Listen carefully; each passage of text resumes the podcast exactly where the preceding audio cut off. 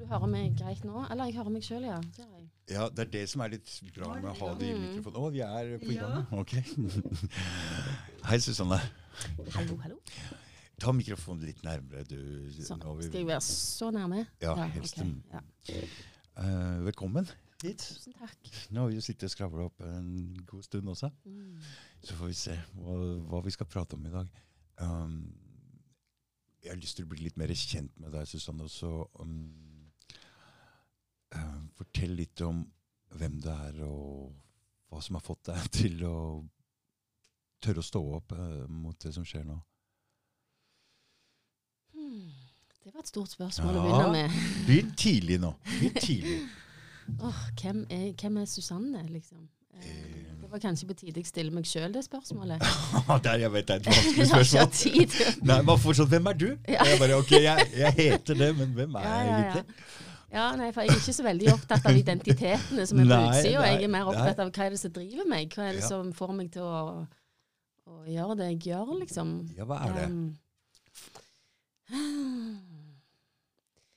jeg tror at jeg er et menneske som drives av en urokkelig tro på at mennesket har en iboende kraft som er fantastiske når det, den får lov å uttrykke seg skikkelig. Mm. Og når det er forsøk på å trykke den, den kraften ned, både foreldre som prøver å trykke ned barn, holdt jeg på å si, eller, eller myndigheter som prøver å trykke ned befolkningen, eller noen som prøver å trykke noen ned noen andre, Mm. så kjenner jeg det vekker noe i meg. At, mm, mm, mm, mm. Det godtar jeg ikke. Nei, det er litt morsomt, for jeg så en unge som var veldig sånn rebell og løp av gårde, og de sa nei, og jeg sa jo, så bra unge dere har! Mm. Fordi eh, vi skal absolutt tvinge disse ungene inn i vårt egen eh, egen Dominere disse ungene. Det er ikke bra. Hæ? Det er bra med de tror- trassige unger. som De må la de få lov å beholde litt av sin egen, eh, Ja, jeg tror, jeg tror faktisk at det ikke blir så mye trass hvis ungene får lov å blomstre i sin egen takt. For det, Ja. altså um, Jeg er jo sjøl en forsiktig person. Jeg har aldri vært en sånn en rebell sånn sett, sant? men jeg er um, Men jeg har en veldig sånn eh, jeg, jeg merker med en gang at ting, når ting ikke er i balanse eller rett. Og sånn jeg ser mennesket, så er det vel kanskje mye mer som at vi er eh, unike frø, da, alle sammen. Som er, er egentlig Vi har vår vi, vi har vårt program som kommer fra innsida, fra det frøet. Mm. Og, og eh, hvis, hvis vi alle får lov bare å eh, vokse sånn som vi er meint å vokse. Så blir vi en fantastisk blomstereng av forskjellige blomster. Mm. Istedenfor at alle skal bli, prøve å bli dressert inn til å bli roser eller tulipaner eller whatever. Sånn som jeg føler samfunnet er litt nå. mm, Så at det, alle skal på en måte bli like. Det trenger vi ikke. Det syns ikke jeg er noe. Og jeg tror jo at hvis vi bare tillater at alle blomstrer på hver sin måte, og at vi heller er nysgjerrige på det, Mm. og så, og så, og så har lyst til å være forskjellige, og, og begynner å sette pris på forskjelligheten, så trenger vi ikke den, rebell, den rebelske. For jeg tror det rebelske kommer egentlig mest av når, når denne naturlige kraften inni oss blir trykt ned. Mm. Da, da, da ble, kommer rebellen fram. Det ser vi jo i trassalderen på ungene. Mm. Altså Det er jo naturlig at når Ja, du er tre år, det så skal du jo liksom bare ta det steget der at du har svømt inn i verden av foreldrene dine, og så plutselig så skal du bli din egen lille person som mm. kanskje oppdager egne ting. Mm. Sant? Og så vil du gjøre ting sjøl. Mm. Og hvis du da får masse korrekt, så blir det liksom trykt ned. Sant? Da kommer jo trassen, for at det, det strider mot naturen. Mm. Det er helt riktig. Og sånn tenker jeg i ungdomstida òg. Det er samme igjen. Ja. så, altså, så, så jeg tenker vi må sette pris på at ungdommene OK, vi har gitt Gjør litt opprør og er litt Ja, men sin igjen så tror jeg ikke vi trenger de der brutale opprørene hvis vi tillater de å eh, Altså Hvis vi forstår at den første delen av livet som foreldre, så har vi vært gode eksempler, og så har de lært av det. Mm. Og så er, kommer tenårene, og da er det meningen at de skal ta avstand fra det de har lært, for å oppdage hvordan er det å ikke gjøre det. Ja. Sant? Og så i, i det spennet så kan du oppdage deg sjøl. Hvem er jeg, da? For Mm. de, må jo oppdage seg sjøl. Men istedenfor så gjør vi de lydige. Ja, det skal man ikke. Det er jo fælt. Mm. Du, jeg skal lede deg litt inn på et spor, ja, for du fortalte litt om oppveksten din. som Du har ikke bodd i Norge hele tida? Jo, Å ja. oh, ja. det har jeg. Mm. Ja. Ok. Jeg har bodd i Stavanger hele livet mitt. Mm. Men eh, hvem var mora og faren din og sånne ting? Og hvordan var det? Du tenker på det jeg sa med mamma som bodde i Spania i en del år. Hun bodde ca. 20 år i Spania, tror jeg. ja. Mm. Så hun eh, Ja. Min mamma var det, det, Hun har prega mitt liv veldig mye, vil jeg si. Ja. Fordi um, hun, var, fra, hun er død nå. Hun døde i 2012. Eh, men hun var fra Nord-Norge. Hadde en sånn, en sånn urokkelig tro på at eh, eh, menneskene, altså vi mennesker er likeverdige. Hun jobbet med rusmisbrukere Mm. store deler av livet. Um, og Prat Eh, litt nærmere mikrofonen. ja. Mm. Stemmer. Eh, så, så mamma var eh, på mange måter helten min, på en måte. Hun har vist meg veldig mye av ja, verdier som jeg gjerne ikke hadde fått hvis ikke. da. Mm. Så, um, så ja. Um, Fortell den historien om den rusmisbrukeren som fikk passe på huset deres, da. Ja. jeg syns det var så fint. ja, For det handler om å gi folk tillit, hva? Eller å Ja, ikke sant. Altså, jeg lærte jo veldig tidlig, for etter skolen i 80, på 80-tallet så gikk jo jeg da der som hun jobbet, og, og traff jo selvfølgelig alle disse og Det er jo utrolig snille folk, vet du. Altså, det, jeg tror jo på at vi mennesker um, altså ofte trenger å um, selvmedisinere oss hvis, hvis det blir for mye følelser i livet. Sant? Og jeg tror at alle mennesker prøver å gjøre så godt de kan Mm. I, i forhold til det, det utgangspunktet vi har. Mm. Så det er litt sånn tilfeldig hvem som havner der og der, på en måte. Og at vi alle har et potensial til å vokse. Um, når jeg var liten, så skulle vi på ferietur til Italia Mm. og kjøre bil ned til Italia eh, på 80-tallet. Og da var, eh, da var det en gutt i gata, da, som, altså en ungdom som var Ja, han var veldig ute på og kjørte, for å si det sånn. Folk var redde han. Mm. Men eh, det, da, jeg husker det, det sitter i så godt. Altså, Men ikke mora di. Nei, hun, hun, å, jeg syns det var så fint. Ja, det- vet, sånne situasjoner er så eh, definerende på en måte. sant? Altså, Mm. Hun gikk til han og så sier du, vi skal være vekke nå i tre uker. Ja. Du gidder å passe på huset vårt Ja. mens vi er vekke. ja. Og hun mente det, sant? for hun, hun har alltid vært en menneskekjenner. Så, hun, så han ble stolt av det at han fikk det oppdraget, og han passet det huset veldig godt. Selv om han har gjort innbrudd hos andre naboer, faktisk. Mm. Så, så var det liksom sånn Ja, jeg syns det sier noe om hvordan skal vi behandle hverandre i et samfunn, liksom. For Mm. å få det fram det beste, Mm. og ikke det verste. Nei, å gi folk tillit, det er um, Jeg har tenkt litt på det der. Altså, det er uh, um, Hvis ikke noen andre gir deg tillit, så er det veldig vanskelig å få sin egen selvtillit opp og gå. Noen, må, Mm. noen andre må også tro på deg for at du skal tro på deg selv. Mm. Så det er veldig viktig. Ja. Så det er nok der dere jeg, tror du jeg tror det var en bra ting. Det var en fin, det var en fin historie. Ja. Eh, det var òg mamma som eh, på, på en måte òg inspirerte meg til å Selv om hun ikke gjorde det bevisst, så, så var det hun som inspirerte meg tror jeg, til å gå inn i politikken. fordi at når hun lå på dødssenga si i Spania da, i, Mm. det var vel i 2012, um, så hadde vi mange sam fine samtaler på sengekanten. Mhm. Og um, jeg har jo alltid vært engasjert i veldig mye, da. Uh, og av en eller annen grunn så sa hun til meg bare i en bisetning at du, eh, Susanne, om du forresten har Har du satt deg skikkelig inn i hva hun, korrupsjonsjegeren Eva Jolie, hva hun gjorde, hva hun fikk til? Det Ja. må du finne ut av, liksom. Så ja, jeg har jo hørt om henne og sånn. Og, um, så hun, så da, da var eh, det, Jeg tenkte ikke så mye på det. Og så plutselig, året etterpå, så kjente jeg at eh, det er så mye feil i systemene våre, i Mm. demokratiet. Og det er så mye som er skakkjørt. Altså, systemet er ikke godt for mennesker. Hva kommer det av? Hvorfor er ikke systemene våre gode, liksom? Mm. Hvorfor må folk slite for å få hjelp? Hvorfor, må folk, hvorfor er det ikke livgivende, på en måte? Mm. Så um, uh, ja, så oppsto jo plutselig dette Altså, jeg har jo aldri trodd på politikk, for det er jo bare kaos og krangling og, og, og Ikke sant? Og jeg gjør jo fremdeles ikke det. Partipolitikk tror jeg ikke- på.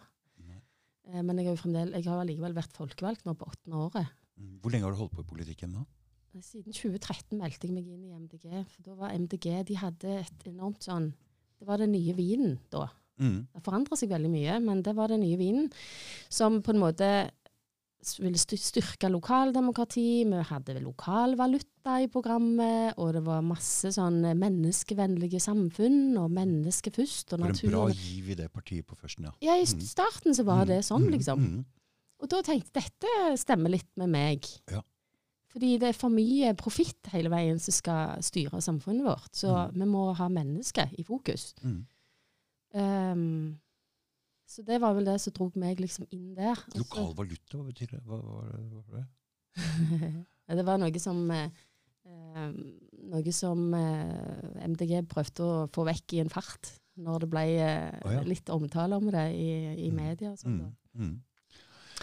Men, eh, men det er jo det motsatte av en sentralisert valuta, det vi holder på å gå inn i nå, da. Mm. Litt spennende det der med MDG. Du, ehm, så du har vært med der he hele tida nesten? ikke sant? Eller? Mm. Ja, jeg meldte meg ut for et år siden snart nå. Ja. Og dette partiet um, forandra det seg mye mens du uh, var der? Mm, veldig. Er det sånn at med en gang man får en viss prosent stemmer og en del folk inn på tinget, så må man um, eller, eller er det andre ting som har kuppa den bevegelsen der? Altså, jeg tror jo det at opprinnelsen til Miljøpartiet da Det var miljø. jo Her prater vi om miljø, ja. Ja. Ja. Det var jo, var jo mennesker som var opptatt av eh, å ha balanse med naturen, leve i balanse med naturen, og, og at mennesket da er et eh, eh, Ja. Det, friheten i mennesket, og, og mye av de, de eh, verdiene da, av Mm. å leve som frie mennesker i en, i en ren natur. Mm.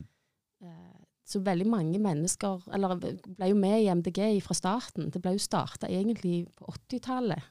Ja. Um, men, eh, men, men det, det er klart um, Jeg tror store deler av partiet ennå er der, egentlig. Men så har det kommet inn mye av de, eh, de eh, globale tendensene da, som vi ser over hele verden, i forhold til at um, plutselig skulle alt handle om klima.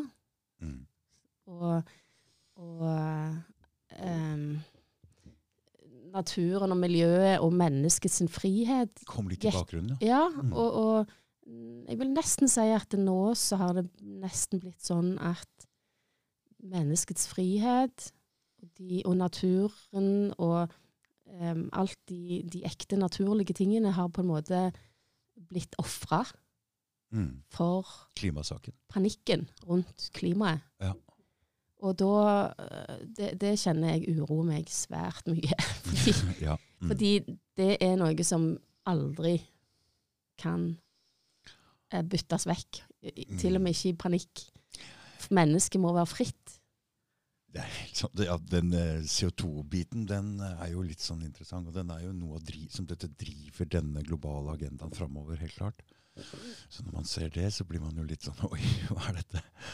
Men, eh, Ja, men nå, er- nå er jo ikke jeg en sånn person som er veldig svart-hvitt. sånn veldig sånn, så, så det er jo utrolig mye nyanser i Mm. dette. Og det er jo Mm. helt klart at det, vi har jo hatt eh, et eh, klima Altså klima er jo innpust og utpust, det har det vært i all evighet. Mm. Det er global oppvarming, det er global nedkjøling, og sånn går det. mm, Eh, og det er klart at men, vi mennesker kan ha påvirka litt i, i forhold til at vi har gravd ut karbon og sånn og sånn. Og det, det, altså det, jeg, jeg skal passe meg for å si og definere og si at, at vi ikke har hatt noen påvirkning. Liksom. Det er klart vi har hatt påvirkning, men de store linjene går jo der uansett. mm, Og, og um, Så det, det er liksom um, Det viktigste for meg i dette det er å se om det finnes korrupsjon noen plass. Fins det finnes det um, noe som har uh, Altså, uh, fins det noe som um, utnytter eh, disse opprinnelig gode prosjektene Ja. til sin fordel? Mm. og som rir den bølga på et vis. Og, og hva er det som ligger bak der? Altså, jeg har brukt mye tid de siste årene på å prøve å forstå mekanismene bak sentraliseringen av makt i verden. Mm. For det er det som jeg er mest redd for, og det jeg ser som skader oss mest, det er sentralisering av makt. Mm. Og i den sentraliseringen så, eh, så er det mange gode prosjekter som har på en måte blitt litt kuppa av det, Mm. og blitt tatt inn i den sentraliseringen av makt, og brukt til å bare sentralisere makt enda mer. Mm. Mens jeg er urokkelig, står bom fast på at hvis vi skal løse noe som helst i denne verden, og skape gode liv for mennesker, så må vi desentralisere makt. Vi Mm. må gjøre stikk motsatt av den tendensen som skjer i verden akkurat nå. Mm. Vi må ha tillit igjen til folk, og vi må ha tillit til at folk klarer å organisere seg i små samfunn, og tillit til at ting starter fra enkeltmennesket, fra innsida, og ikke at det er en eller annen oppskrift som, som noen skal få tredd ned over hodet. Men at det, vi må aktivere skaperlysten og trangen, og, og, det å, og det å samarbeide om å lage gode samfunn sammen på lokale nivå. Det tror jeg er det som kan skape et godt samfunn, ikke en global agenda som skal tres ned over hodet på noen. Vi kan jo se det bare i bedrifter. Jo lengre det er opp til ledelsen fra de folka på gulvet, jo mer Mm. vanskelig er det for de som jobber på gulvet å få til ting. Det samme hvis vi skal sentralisere all makt i Brussel og skjære alle over en kam. Alle skal være under det. Det, er, det, blir, det blir feil for mange. Mm. Ja, og de store bedriftene. Altså, altså det, nå gjennom covid-pandemien Ja. så, har, eh, så er det klart at det har sentralisert seg enda mer makt. På, for, altså fortere enn noen gang. Det, var en av de, det er en av de farligste tingene som skjedde. At det ble de store Og det er jo det som skjer nede i World Economic Forum. De store bedriftene og samarbeider med politikere og skal liksom ta over um, styringa da, i verden. ja, og det, det, er den, eh, det er den vi skal våkne opp Ja. for å se. For jeg Mm. tenker uh, Det er Disse tendensene har pågått utrolig lenge. Mm. Og det er litt vanskelig å spole, finne opprinnelsen. Men det skulle ikke forundre meg, for å si det sånn, om opprinnelsen til disse tankene om sentralisering kommer fra verdens frieste land. Ja. Sant? Ja. Altså at det, for ofte er det sånn. Det, når du blir for fritt, og så kommer det andre krefter inn, og så blir det sant? Så, så, så USA ble jo grunnlagt fordi at folk rømte fra. Europa. Sant? Mm, fordi de var for ufri. Ja. Sant? Så skapte Mm. de et fritt land. Ja. Og, og jeg, det kan godt være at vuggen til den sentraliseringen vi ser nå, kommer derifra. At en ny type eh, imperialisme, holdt jeg på å si. og at, det- at det vi har sett altså, eh, Vi kan spole tilbake veldig mange år, og så, og så kan vi se ulike ting som har skjedd i historien. Vi kan se f.eks. i 1992, når eh, FN eh, lagde denne Agenda 21 som har sikkert mange forskjellige navn, men altså 174 land eh, signerte jo det. Og det, var jo ikke forpliktende, men allikevel så er det en, en avtale som sier at, det, at vi skal Altså, som, som egentlig handler om sentralisering i alle disse livssystemene våre. Sant? Mat og vann og energi. Og, altså det, så, så, så vi har på en måte Det, det er blitt sådd noen frø underveis. Mm. Um, og ikke minst det som skjedde i 13. juni 2019, eh, når uh, FN har skrevet partnerskapsavtale med World Economic Forum uh, Ja. om å samarbeide. Altså, så har vi tatt det til et nytt steg, som plutselig To sterke krefter slår seg Ja, som kapitalkreftene, eller det vil si de Mm. rikeste menn. De som har Mm. Egentlig sitter på toppen av pyramiden i, i, i makt i forhold til penger, og, og skal samarbeide med FN, som egentlig er en ikke-demokratisk eh, organisasjon, som allikevel myndigheter i hele verden hører på. Og bru, altså, bruker som maler, altså Deres planer ligger som maler i våre land. Mm. Sant? Og så plutselig så skal de kapitalkreftene sammen med denne eh, sterke organisasjonen FN plutselig samarbeide om å lage en, en, en, en fremtid, altså et nytt type samfunn i, for hele verden, som er basert liksom litt på dette med stakeholder capitalism. Altså eh, for, for, igjen å eh, eh, være forberedt på eh, et, en ny type verden, da. Og, og, ofte så er det klimaforandringene som er som, kom, som ligger, som, som ligger i bånn, ja. Mm, mm. Eh, og, og, og, det igjen så er det sånn, det er veldig vanskelig å si hva er bra, hva er dårlig. sant? Mm. For, disse, For de tror vel at de gjør noe bra? Disse, ja, jeg, tror, jeg, tror, jeg tror, at er, de fleste som jobber med disse tingene, jobber virkelig og tror og, kjenner at de bidrar til noe godt. Mm. Men, men, men, det er vel en liten sånn forakt for menneskeheten her. fordi I bånn her så ligger det vel planta at de mener vi er litt for mange mennesker og bruker opp litt for mye ressurser litt for fort og sånne ting. Er det ikke? Altså, det, er jo en kjensgjerning, det er jo en kjensgjerning at, at, at, vi har sprengt kapasiteten på mange måter. sant? Ja. Uh, men, problemet, men problemet er jo måten å løse det på. Sant? Mm. Skal vi skal vi være en menneskehet som samarbeider og finner løsninger, eller skal, være, eller skal noen veldig få klekke ut noen planer mm. og, og, tre ned på hodet på alle, og lage alle til på en måte sånn brikker i deres spill? Jeg mener, skal vi ha et demokratisk, eller en demokratisk verden, demokrati, så er det folkestyret. Det er folket som styrer, og det er folket som må samarbeide, og nasjoner som må samarbeide med hverandre. Altså internasjonalt samarbeid er superbra mm. for å løse globale problemer. Mm. Men globale Altså globale um, En global styring mener jeg er ikke bra. For det er sånn top down-styring. Uh, mm. Så det er veldig stor forskjell på å, å, styre alt sånn alle må gå i, i takt, fra én ledelse på toppen globalt, er veldig forskjellig fra at hvert land gjør sine valg og etter sine forhold, etter hva folk i de landene vil, vil og, så sam, og, så lager de avtaler seg imellom for å løse de globale tingene. Mm. Så det er liksom Hvordan havner vi der nå? At det plutselig så skal Så godtar vi at, at um, På grunn av en slags panikk, da, så, så, så godtar vi at WHO f.eks. skal få lov å eh, bestemme hele helsepolitikken i alle land når det kommer til pandemier og, og koronapass og du vet, alle disse tingene. Så Når godtok folket i Norge å outsource sitt, sin aldri, makt? De har aldri blitt spurt om det. Når godtok vi det? De har aldri spurt om det. De har aldri blitt spurt om det. Altså det, det er, egentlig så er det Det er ett ord som, som jeg nesten tenker hver dag når jeg ser på nyheter eller ser på disse tingene som skjer, det er ordet absurd. Mm. For det, det fins ikke noe som beskriver det som skjer, bedre.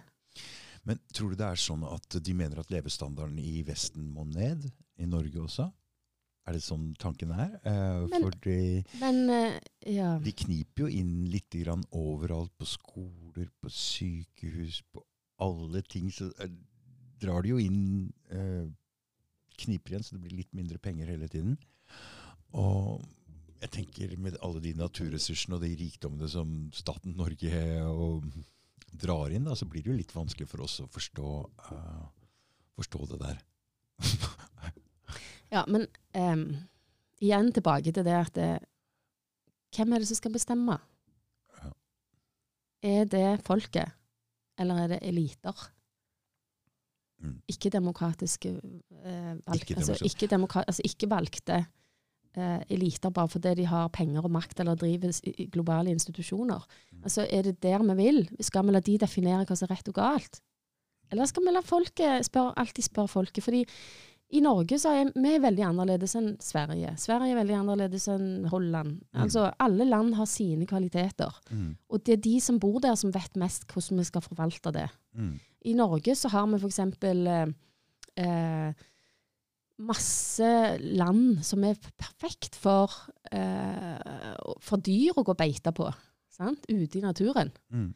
Um, det har de kanskje ikke i andre land. Altså vi, i, Norge har vi masse vannkraft, som gjør at det er bra å ha kraftkrevende industri i Norge. Mm. Eh, men, men er det da lurt å eksportere den kraften liksom eh, langt vekk? Som på en måte Altså, vi må, vi må forholde oss til de, det vi har. Altså, I Afrika så har de kanskje gull og mineraler som gir, kan gi dem rikdom, hvis de kunne fått lov til å beholde rikdommen sin sjøl, og ikke noen hadde kommet inn og tatt det fra dem, holdt jeg på å si. Mm. Altså, alle land har sine ressurser, Mm. men det er som om det er krefter som bare skal ta alt fra alle, og Ja. så samle det i én pott, og så gjøre likt for alle. Og det, det tror ikke jeg på. Nei. For det er ikke samme forhold i alle land. Vi har forskjellige forhold i alle land, og det er de som bor der, som vet best hvordan vi kan forvalte det. Og så, og så trenger vi å samarbeide. Vi trenger å være eh, Den tredje verden, eksempel. Mm. Eh, det er jo Vesten som har utarma den tredje verden, sånn at de har blitt fattige. Mm. Så det hjelper jo ikke så mye om vi gir dem så og så mye tilbake igjen. Det er jo bare en bruddstykke av det Vesten har tatt. Mm. Og, eh, så, så det er noe med at det, jeg tror vi må tilbake til start. Og la, det, det det er befolkningen som bor der, som må få lov å eie sine ressurser Mm. i nærheten av der de bor. Mm. Og forvalte det på den gode måten som de kan. Det er den eneste måten de kan vokse på. Ja, jeg tror det. Mm. Det er eneste bærekraftige. Mm. Og det samme med store bedrifter òg. Mm. Eh, hvorfor, hvorfor De som jobber der, hvorfor er ikke de deleiere i bedriften som de samskaper? Sant? Altså, det er jo tank tanker her som er Jeg mener dette er demokratisk tankegang. Mm. Um, men ordet demokrati har jo òg blitt kuppa. Ja, så, det er sant. så det, det er mye sånn gode ting som har blitt kuppa, da. Ja. ja, det er sant. Det er demokrati i ordet. De er ikke demokrati, de er uh, Russland er ikke demokrati, de er farlige. Så Ja, Men er Norge et demokrati når våre folkevalgte på Stortinget eh, og departementene eller administrasjonen, hvis de er mer påvirka av impulser fra EU, FN, WHO, eller hvem enn det måtte være mm, der ute, mm, er vi da et demokrati? Fordi at de som er valgt for folket på Stortinget, de er valgt der for å representere folket. da blir det feil. Men de gjør de det nå? Nei, Eller representerer de noen andre? Det er et stort spørsmål som vi må faktisk er ta opp til offentlig debatt. Og så har du òg dette med, med partiene, da. Som Altså, de folkevalgte. De kommer jo fra ulike partier. mm, Og representerer de da egentlig folket? Eller partiet? Fordi at partiene krangler med hverandre. Og mye av oppmerksomheten går vekk i den krangelen der. Eh, men det jeg ser nå, det er at på Stortinget så er det veldig få, altså veldig lite uenighet, egentlig. Fordi at de hører ikke på folket, egentlig. De hører på de globale agendaene, egentlig, som, som nå holder på å utspinne seg. Det er ikke noe tvil om det. De representerer ikke folk i den forstand at vi har jo sagt nei til EU to ganger. Allikevel så er jo 95% av politikerne på Stortinget for EU. Det betyr de representerer oss ikke sånn i en sånn viktig, Mm. viktig bit. Det er litt uh, merkelig, syns jeg. Hvem Er det noen som er imot EU i det hele tatt på Stortinget nå? Eller? Jeg har ikke helt oversikten på det, men i praksis så er det skremmende, syns jeg. Fordi eh, vi har så mange eh, EU-direktiver, og vi, altså, Norge harmoniserer seg til Mm. EU Mm. hver dag. Mm. Hvis EU gjør en liten endring, så gjør apparatet i Norge samme endringen, Mm. og harmoniserer seg til EU. Mm. Og så stemmer de folkevalgte det gjennom. Mm. som en formalitet. Og, og em, jeg skjønner ikke hvordan vi kan kalle det for demokrati, når vi vet at uh, vi stemte nei til EU.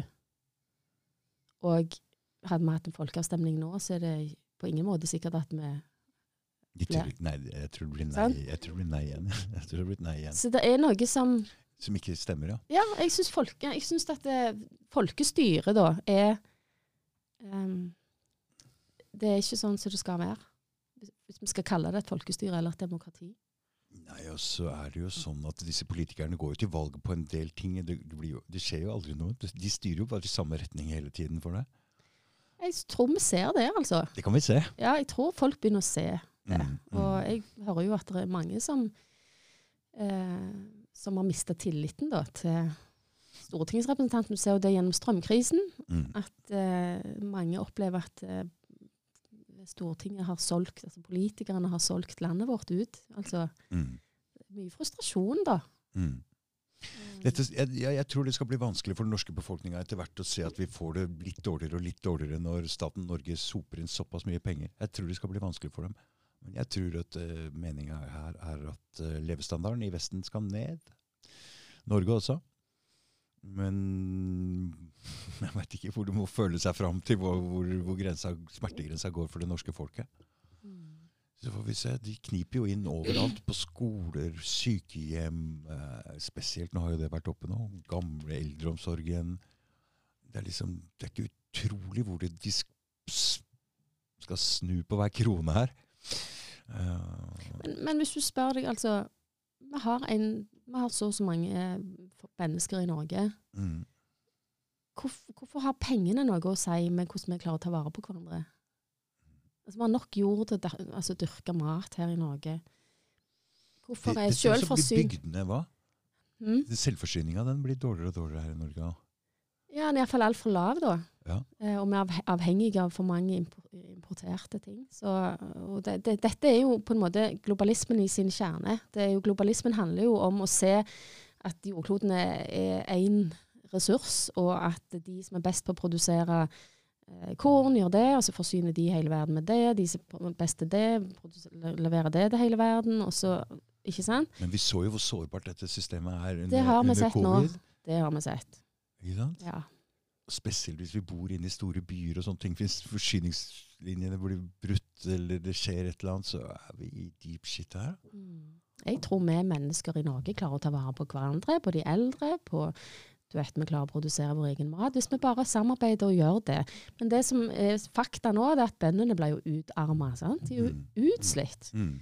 Eh, og det er sentralisering eh, Utrolig, utrolig mye sentralisering av, av gårder. De blir større og større, og bøndene må Sant. ta ekstrajobb. Og, og nå kommer strømprisene på toppen, og det altså, prisen på fôr. Og, og du vet, altså Dette er jo de vi burde Vi burde jo desentralisere eh, landsbygda, holdt jeg på å si, eller bøndene igjen, altså gårdene. Altså, det er veldig mange mennesker som har lyst til å flytte og ha småbruk og drive smått. Var det ikke noe med gjødsel også som ble veldig dyrt nå? Det kan godt være. Mm. Det, ja, men eh, eh, po poenget mitt er at hvis vi, hvis vi slipper folk til igjen, og slutter å lage det vanskelig For nå er det som om bøndene blir, blir straffa. Istedenfor at, de- at vi ser dem som en utrolig viktig ressurs for oss. Men du, det, du driver med et eller annet sånt på si ved å være politiker ved siden av. Du driver en, hva er det du, hva er det du mm, prøver å få i gang? Hva tenker du da? Gründervirksomheten min, eller, eller folkestyret? Folkestyret tenker jeg på. Jeg har jo Mm. fått litt grann, eh, Hva er det for noe? Hva er tanken bak det? Um, tanken bak folkestyret er egentlig bare det at um, siden jeg har vært så heldig å få være på innsida nå i denne tiden her nå på, i, a, som folkevalgt i Rogaland, Mm. Ser Så- hvordan ting fungerer. så ser jeg hvordan ting fungerer, ja. mm. Og så ser jeg at um, jeg ser det er et stort problem at folk flest tror at politikere bestemmer, Mm. og så ser jeg på innsida at det gjør vi faktisk ikke. Nei. Og så, tenk, så har jo jeg drevet i mange år nå og prøvd å finne ut hvem er det da som bestemmer. Ja, hvem er det? Sant? Fordi Ja. at det det vi får servert når vi er folkevalgte. Og, altså nå har jeg sittet fire år i Stavanger bystyre, og nå er det fjerde år i Rogaland, på Rogaland fylkesting. Mm. Um, uh, og det jeg ser, det er jo at administrasjonen, altså byråkratiet, de lager jo saker, og som er bra. De jobber jo bra, de, men altså, de har jo si, de får jo òg blir jo på en måte eh, De blir jo inspirert av alt det som skjer i det globale. ikke sant? Så det Mhm. går fortere og fortere, dette med at det blir likt i alle land. og, og sånn.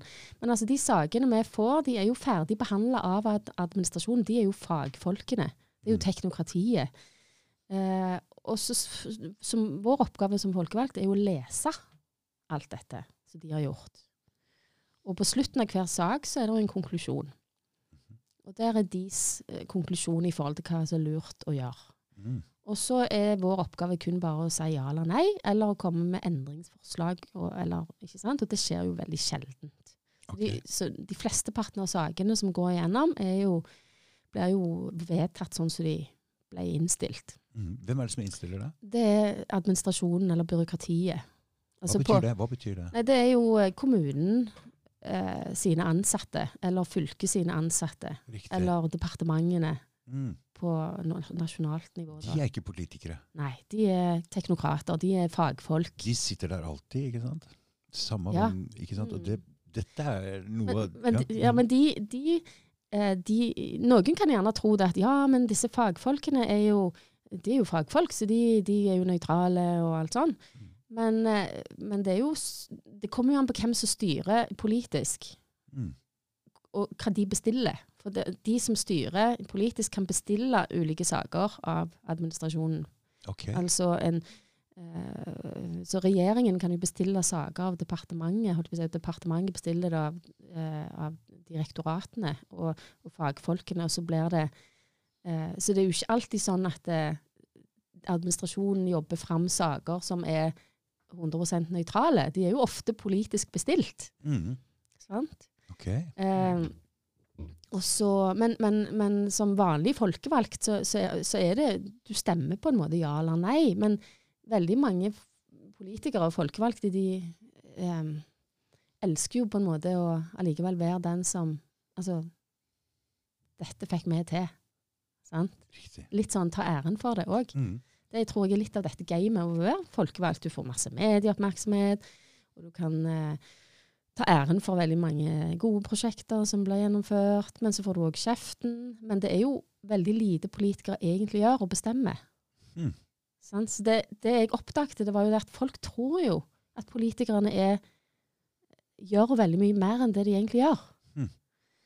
Og, og, og, og da tenkte jeg hva, Det er jo nesten som et sånn dokketeater, ikke sant? Altså, det, blir litt, det, er noe som ikke stemmer helt her. For hvis ikke altså, hvem, hvem er det som egentlig trekker i trådene, da? Hvem er det som bestemmer noen saker egentlig som, kom, som kommer på bordet? Og, Mm. Men dere eh, kan jo også fremme saker, eller? Ja.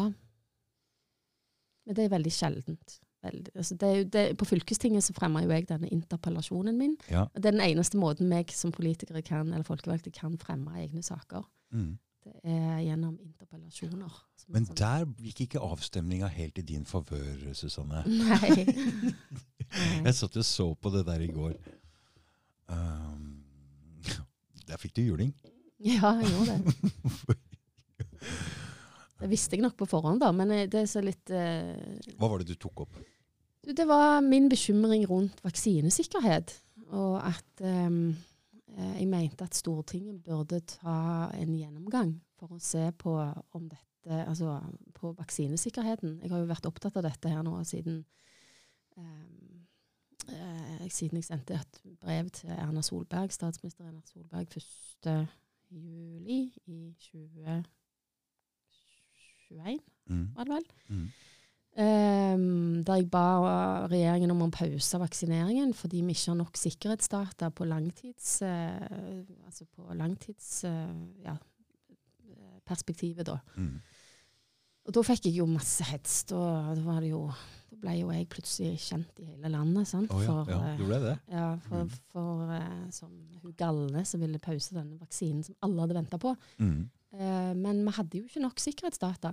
Mm. Så Hvordan var det situasjonen så ut da i, i Var det juli 21? Ja, og situasjonen var jo det sånn da at da hadde de eldre fått, altså svage, altså de utsatte og de eldre hadde Mm. fått vaksine, men så plutselig ble det da snakk om, for det endra seg jo hele veien, Mm. så det ble plutselig snakk om at nå skulle alle liksom få. Til og med små barn. Ja, det var, kom enda senere igjen da. Mm. Men, men da, jeg mente jo at nå hadde vi nå har de utsatte gruppene liksom fått det de skulle der, og nå burde vi heller vente se. til å se om vi får, om det er trygt faktisk. mm. Eh, Så det, nå, det jeg gjorde nå i, i fylkestinget, var jo å ta opp igjen dette, for det, vi har jo ennå ikke skikkelige data og gått igjennom. Altså hva har skjedd? Altså Vi ser en enorm overdødelighet i hele Vesten. Mm. Alle de landene som har hatt mye vaksiner. Og òg i Norge. Eh, og eh, det er liksom godt over 60 000 bivirkninger som er meldt inn. Og det kommer mer og mer alvorlige typer bivirkninger. Så, så, så jeg mente jo det at Stortinget må gå gjennom datagrunnlaget nå. Ikke Mm. bare vente på studier og sånne ting, men å se på dataene. Se på korrelasjoner, liksom. Eh, hva har vi sett økninger av etter vaksinen starta, og er, liksom, hvor kan det være sjanse for at det, altså at vi ser på de større linjene liksom, i dette, for å Mm. prøve å avsløre hva, hva har skjedd her. Mm. Det er jo litt spesielt at du ber om det. Samtidig så blir Nordmomo, altså den uh, totale dødeligheten i Norge, den uh, som registrerer dødsfall, den blir plutselig lagt ned pga. de har ikke nok ressurser.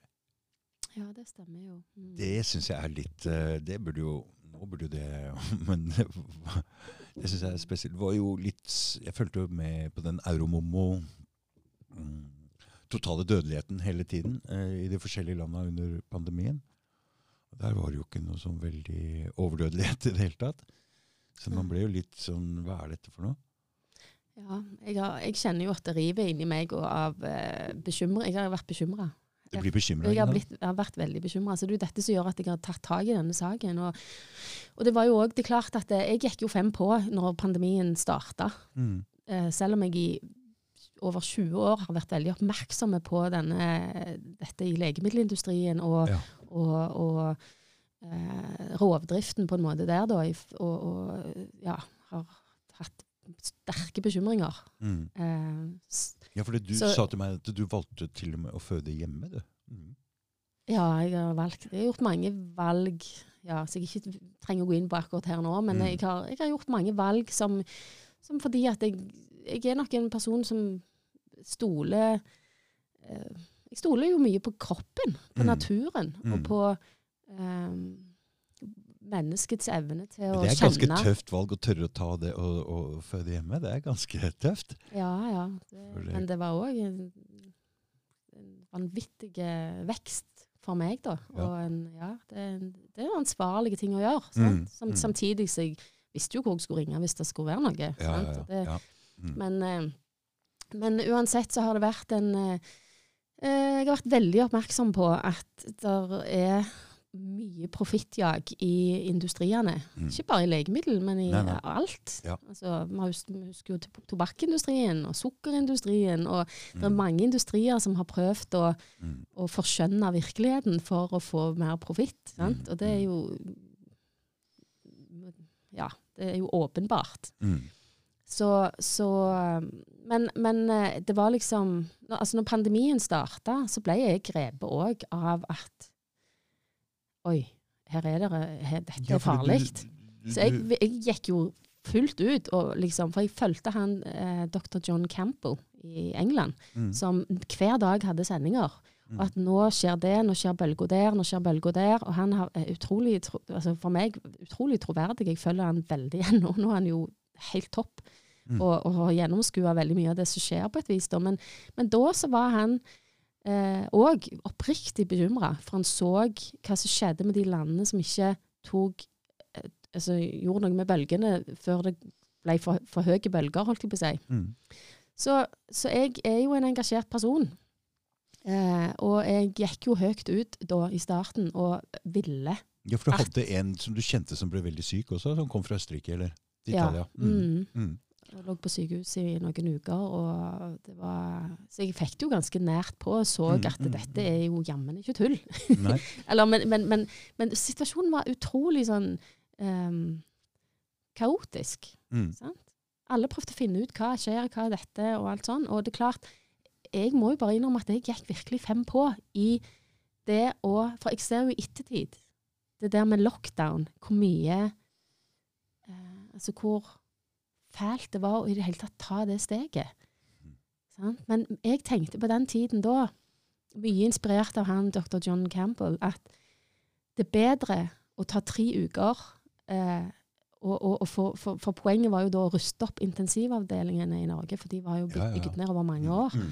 Og det var, Det var- er jo myndighetene at de skulle. Ja, ja. Sånn, var det hele, sånn er det i Mm. hele Europa. De har bygd ned helsevesenet. Så de tåler ikke mye der. Nei. Så det var jo det regjeringen lovte òg, at de Mm. skulle eh, ruste opp det. da. Sant? Så, de, Mm. så da, var det, da var det logikk for meg òg at ja, men da må vi stenge ned i tre uker, Mm. få opp kapasiteten og ordne rekken og få alt på plass, og så Mm. åpne igjen, og så Mm. kan vi deale med problemet. Mm. Men jeg skjønte jo at eh, Oi, her har jeg vært med på å stenge ned noe som For det at når jeg begynte altså, Øynene mine gikk jo opp da, etterpå. Jeg begynte å se at eh, her er det tendenser til kontroll, overvåking, begrensning av frihet. Sant? Masse ting. Og så begynte vaksinen å komme inn, og så kjente jeg det Og de bare ville ikke slippe det etter halvt tre, de ville ikke slippe det etter tre uker heller. Nei, De ville aldri slippe det. nei. Og da, det var jo det da jeg skjønte at det, hjelp. Så jeg tror De jo kjørte på veldig Nei, min, sånn min erfaring med det der Jeg, hadde jo, jeg jobba for en som eh, satt i karantene. Så jeg spør han hvorfor sitter du i karantene. Er du syk? Eller nei, han var ikke syk. Jeg tenkte, hm, ok. Eh, nei, det var en på jobben hans som hadde vært i Østerrike Mm. og kom hjem der. Så spurte jeg ja, men er han syk, da? Nei, han var ikke syk. Jeg bare Oi, hva er dette her for noe? Så jeg ble litt sånn, og så var det en små drypp som sto i avisen som de hadde isolert en landsby i Italia, hvor de hadde sjekket disse her. ok, der, Men det så ikke ut som det var så farlig likevel. Og det var noen ting fra Island også, så de hadde gjort det samme. Så jeg tenkte ja, det er en del ting som sier her at, Men dette er- var små drypp i media. Så man måtte virkelig være litt flink til å sile ut For det var jo mye fryktpropaganda. ikke sant? Og de kjørte på, men inniblant så sto det noen ting som man kunne pelle ut og bruke som argumenter til at kanskje ikke det var sånn allikevel. Mm. Men så hørte jeg lockdown, så OK, tre uker. OK, jeg tenkte ja, men det, det argumentet, det, det skjønner jeg i hvert fall. Det, det kan jeg skjønne òg. Så jeg, OK, greit. Men eh, de ville det ikke- de ville ikke Ja, ble, ja. De ville ikke gi seg med det her.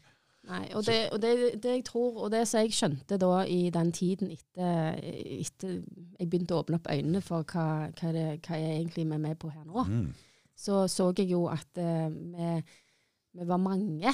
Altså, jeg, jeg, plutselig så traff jeg masse folk som bare uh, Alle bare Her er det noe som skurrer. Mm. Hvorfor skjer det? Dette gir ikke mening. Altså, Mer og mer ting ble absurd. Mm. Sant? Og, og, og, og det vet vi jo alle mann, men det, det er klart vi glemmer fort òg med mennesker. Sant? Så, det. Mm. så det det, hvis vi skulle gjort opp regnskapet sitt kronologisk, hva som skjedde, så tror jeg vi hadde blitt overraska den ene og den andre. For det er liksom Nei, munnbind, det virker aldri. Altså, Der er det forskning på. Nei, nei, nei. Og så alle skal ha munnbind. Du kan ikke få munnbind i butikken. altså, det hopper jo fra det ene til det andre. Og, og um, eh, jeg tror jeg, jeg tror jo at det vi har vært med på, er egentlig en invitasjon til oss alle sammen til å se egentlig gjennom en del ting som vi før ikke har sett. Og fordi man, vi er så vante med å bare lene tilliten vår til andre. At vi, og at vi får fri. Vi kan Mm. sitte og se på Netflix og Ja, gå ja. altså, Mm. altså, Fordi alt er ok. ja, ja. Da trenger man ikke tenke på Men- hvem som styrer.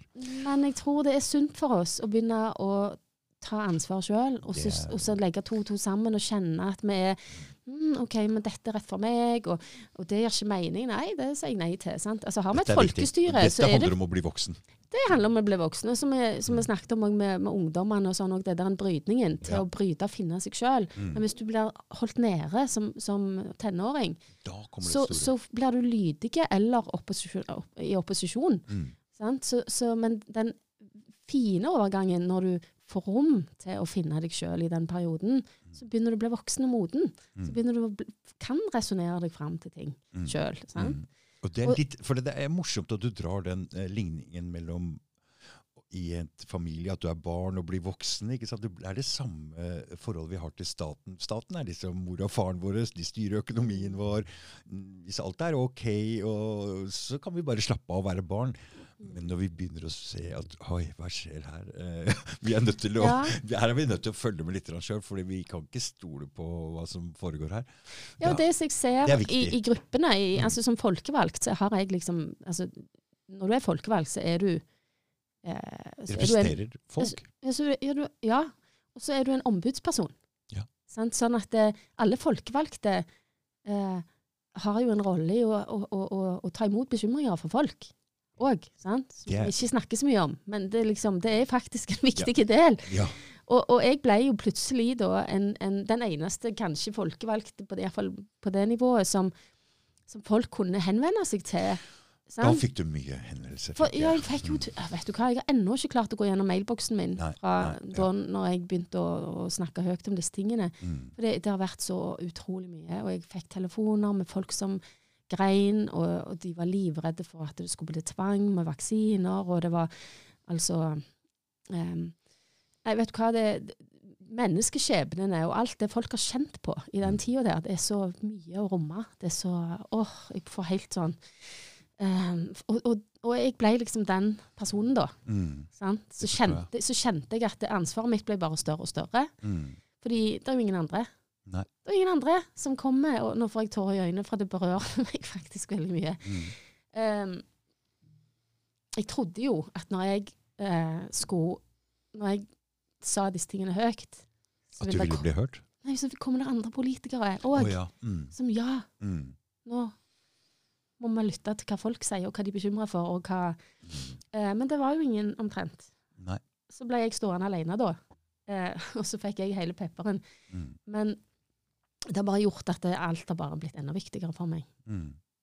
Fordi at det, det er um, Det er noe som ikke er rettferdig som skjer, som har skjedd. Det er en invitasjon òg til enkeltmennesker å bli voksne Mm. og ta ansvar. Mm. Og det er noe fint oppi Det dette. fint. Det er faktisk Ja, det er fint. faktisk fint. Ja, Fordi og- det har egentlig vært skakkjørt veldig, veldig lenge. Ja, så. Eh, Det har vært mye kriger og mye urettferdighet og utbytting. Mm. Og, og bare at vi har lukka øynene for det og sagt at vi har det bra. Det er bra, men det har ikke vært bra. Det har vært så mye faenskap, for å si det sånn, rundt omkring i verden som vi bare har lukka øynene for og ikke så jeg tror nå det at det beste vi kan gjøre framover, det er faktisk å, å, å bruke denne sjansen vi nå har, til å ta ansvar på personlig nivå. Og i et ekte demokrati så er mennesket fritt. Mennesket kan forfølge sine egne drømmer og sine egne veier. Og, og, Um, du, du, jeg fikk jo aldri svart deg skikkelig på folkestyret, men Ja. inspirasjonen min til å, st å starte folkestyret kommer jo fordi at eh, jeg så at uh, så lenge vi fortsetter å ha partier som skal representere folket, mm, så blir ingen mennesker, ingen folkevalgte blir egentlig ansvarliggjort. Jeg, nå er jeg uavhengig, så mm. nå, nå har jeg et direkte forhold til folk. Ja. sant? Mens alle mine kollegaer de har, direkte, altså de har jo et forhold til partiet sitt først og fremst. Så de lytter jo til partiet før de lytter til folket. Mm. Og partiet har jo sine eh, Ambisjoner om å få agendaer for å vinne over de andre, Ja, og mm. strategier, og ikke Mm. si det, for da kan det gå utover velgerne og alle greiene, og sånn og sånn. Et godt eksempel nå er jo Rødt. Hvordan Rødt eh, Mm. fikk litt grann maktposisjon nå, og øh, forandrer egentlig hele øh, partiet. Og ja. slår ned alle meninger som ikke er så Man blir sånn, vil ha mest mulig stemmer. Det ser ut som det er det viktigste. Og det er det som, er, som ødelegger, som jeg så, som ødelegger hele folkestyret og demokratiet. Ja. Fordi at eh, kampene går mellom partiene, Ja. istedenfor at folket velger sine tillitspersoner, plasserer de i tillits, eh, altså som folkevalgte, og eh, dersom de ikke gjør jobben sin, eller er tilliten verdig, så kan folket ta de vekk igjen. For, altså, sånn, så de som er folkevalgte, må jo ha eh, De må kjenne hvem som er deres oppdragsgiver, Mm. direkte. Mm. Og det er folket. Mm.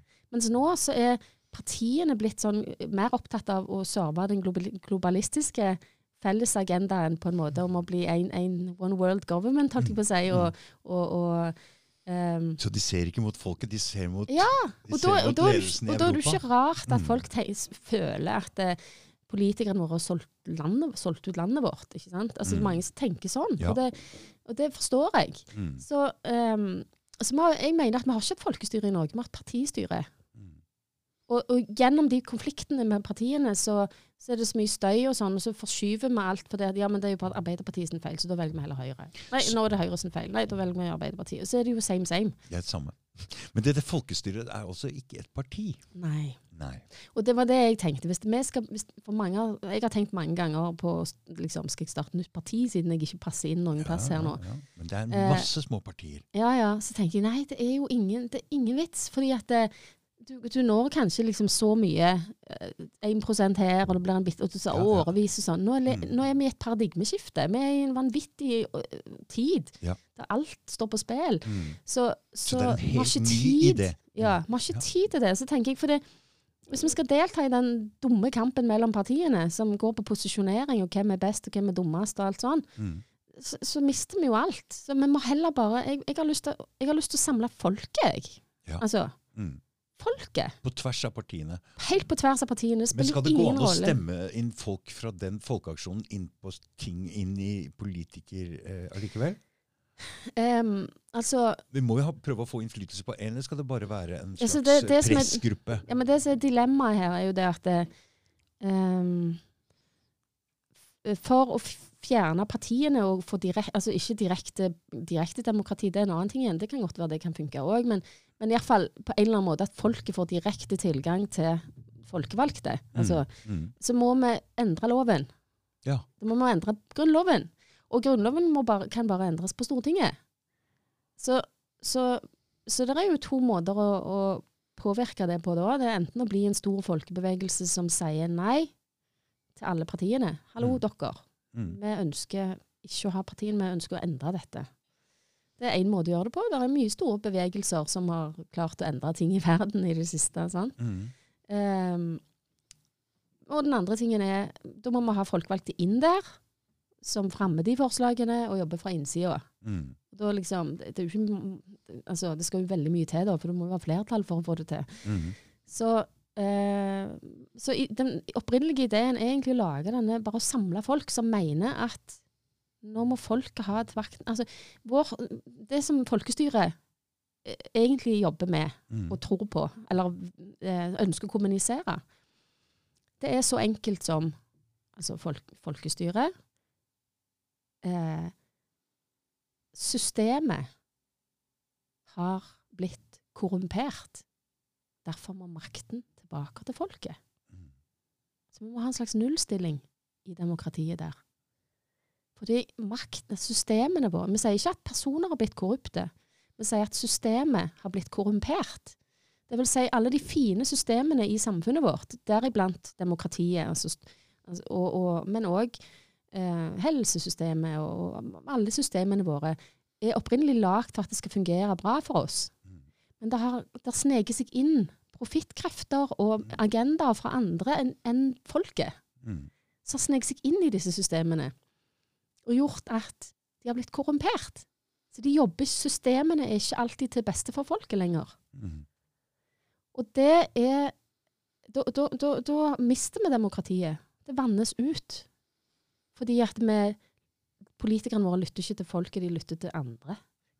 Og, og, og det er det som folkestyret ønsker, å eh, på en måte samle alle som ser det samme der. Mm. Og det spiller jo ingen rolle om de er i det partiet eller det partiet eller det partiet eller ikke parti. Eller ikke, altså, det spiller ingen rolle. For vi kommer jo aldri til å ha et partiprogram som, sier, som har meninger i ulike saker. Vi er ikke for det eller mot det eller noe sånt. Vi sier bare makten tilbake til folket. For systemet har blitt korrumpert. Mm. Og alle som er enige i det. Vi har jo da ti prinsipper som beskriver det litt mer i, i, i detaljer. Mm. Men det er alt. Vi har ingen saker. Vi har ingen meninger. Vi, utenom at eh, vi må ta makten tilbake til folket. Mm. Så, så, så vi, jeg tror jo det, at vi først og fremst vil satse på å bli en folkebevegelse som bare samler folk som er enige i dette, Mm. og bli en sterk stemme. Så går vi litt veien mens men, altså, vi, vi, vi utvikler dette nå, altså mens vi går. Det, Mm. det, det tar kanskje litt tid, og sånn, men vi vet at vi, er- vi er jo på rett spor. Og hvis det er noen som kommer som har en bedre idé, så applauderer, applauderer vi på det. Fordi Mm. det viktigste er at vi får makten tilbake til folket. Mm. Men, eh, men så har vi òg sagt at eh, de, de som ønsker eh, Altså de som tror på dette òg, og er enige med oss, og ønsker å lage gruppelister i ulike kommuner eller fylker, Mm. kan fritt gjøre det. Helt uten at de er bundet til oss, eller at, noen, at de har noe oppdrag for oss, eller noen ting sånn. Mm. Men at det bare er for at vi kan få sånne type stemmer som mener at systemet har blitt korrumpert, og at makten må tilbake til folket. At de kommer seg inn i kommunestyrer og fylkesting, og til slutt kanskje Stortinget, da. Mm. Men hvordan eh, Du vet, media vil jo aldri dekke noe sånt, en sånn bevegelse. Så hvordan skal folk få vite om dette, og hvordan skal man klare Det er Jungeltelegrafen, tenker jeg. Altså folket er, Vi må ikke glemme det at ok, media er, har vi sett nå gjennom pandemien, er ganske globalt styrt. Mm. Det er ganske samstemt. Det var en av de første tingene jeg merka. Mm. At alle sier det samme, og ingen av motstemmene slipper til. Mm. Så det er liksom Der har vi jo allerede et stort problem. Mm. Fordi demokratiet er jo ikke til stede i media lenger.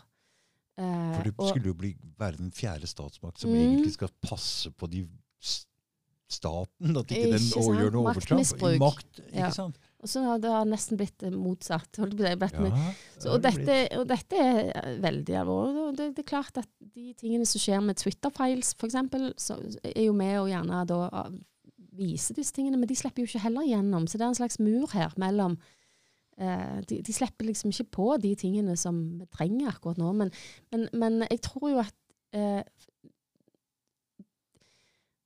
Altså eh, Jeg tenker at slaget framover står ikke mellom partiene, som jeg sa tidligere. Det står mellom folket, altså hele menneskeheten, og noen få eliter, på et vis, som styrer de globale institusjonene som ønsker at alt skal være globalt styrt. Mm.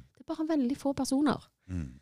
Og jeg sier ikke at de er onde, eller han sånn Det kan godt være de har en virkelig mener godt òg. Det kan godt være de virkelig tror på det. Det vet ikke jeg. Jeg kan kun gjette. Mm.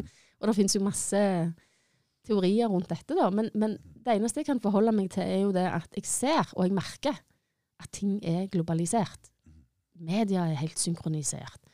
Sant? Matleveransene våre begynner å gå inn i smalere og smalere. Sant? Mm. Alt blir sentralisert. Og det kan jeg forholde meg til. Det ser jeg, det stemmer. Mm. Og, um, men det er likevel veldig få personer som sitter og egentlig regisserer det der.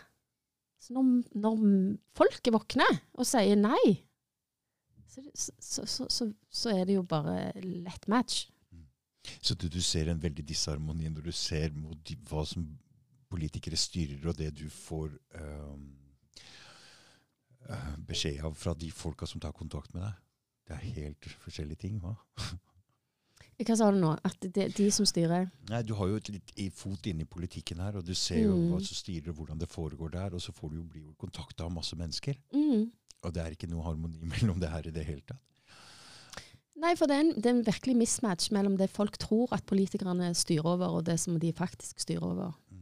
Mm. Det, det, så så um, gjennom veldig mange år så har jo Norge harmonisert seg mot EU, blant annet. Sånn at Mm. det, mye av de tingene som skjer av endringer altså Nå snakker vi om insekter i maten, f.eks., og det er også dette med strøm. altså Det er masse ting som vi plutselig som bare blir eh, sklir inn som våre nye lover, uten at folk har blitt spurt. Selv om ikke vi er i EU, eller eh, sant. Mm. Vi er et suverent land. I Grunnloven så står det jo at det, landet Norge er udelelig og, og suverent og kan ikke eh, Makten kan ikke gis ut av landet, liksom. Eller jeg husker ikke ordrett hvordan det står, men det er jo, vi er jo et suverent land, Ja. styrt av folket. Mm.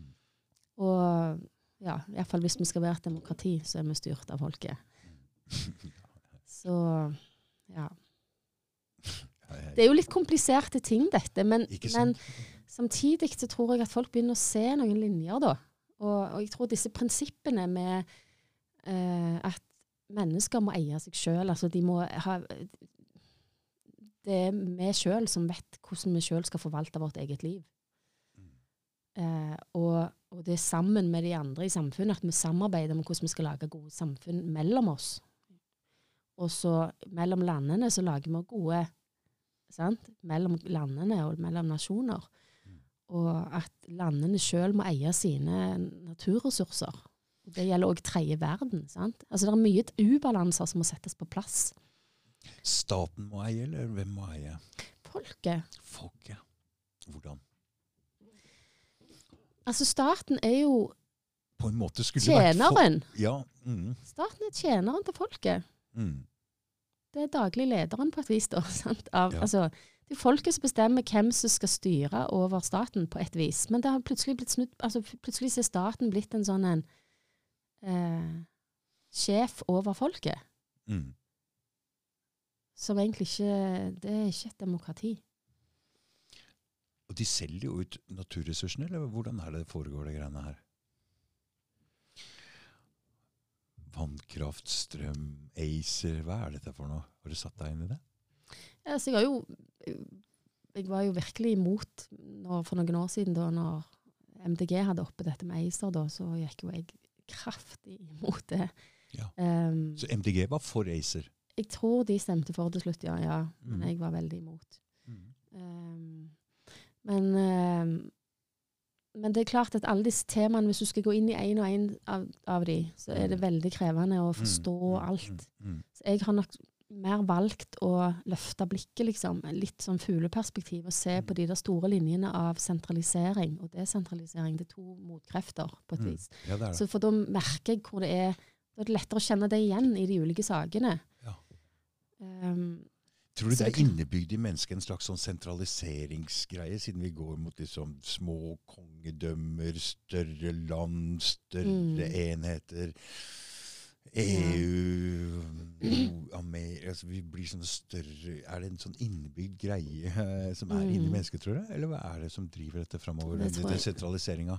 Kjempespennende spørsmål, for jeg tror det er, tror det er en Og så har vi den andre kraften som vil motvirke Ja, ja. det. Mm. som er redd for Fordi når man ser hva slags krefter som styrer verden, og hva slags ting de er villige til å gjøre da, for å få den eh, sentralmakten, alle disse krigene og sånn, så er det Og du vet, konger og statsledere går til krig og er villige til å ofre så store deler av befolkningen eh, for, en, for en krig. Jeg mener, disse er jo Det må være ganske kynisk når du sitter på toppen der. Ja, men, men det er noe jeg tror du, altså Det er et kjempespennende spørsmål. Fordi eh, jeg tror jo at eh, altså livet vår altså livet, altså Vi må jo òg huske på at det, livet er jo en, en Det er jo en um, opplevelse fra innsida.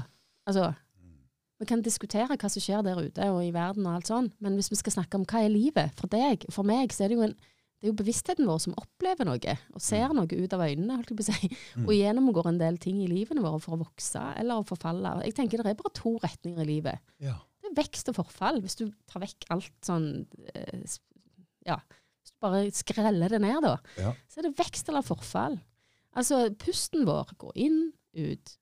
Klimaforandringene går sånn og sånn. Mm. Det gjør de. Sant? Og, og havet går opp ned. Alt går eh, Altså, vi blir født, og vi vokser, og vi begynner å forfalle og blir til jord igjen. Altså, alt har disse rytmene. Mm. Og, eh, og jeg tror at eh, det der med sentralisering og desentralisering har også sånne det samme, De deltar i samme greia. Ja. Sånn vi har, når vi først er på vei i sentralisering, så akselererer det bare mer og mer og mer, og alle blir mer og mer opptatt av effektivisering. Da sparer vi kostnader. Hvis vi samler sykehusene der og legger ned de fødeavdelingen der, så er det For det er overalt igjen, den her. overalt, vet du. Ja, ja.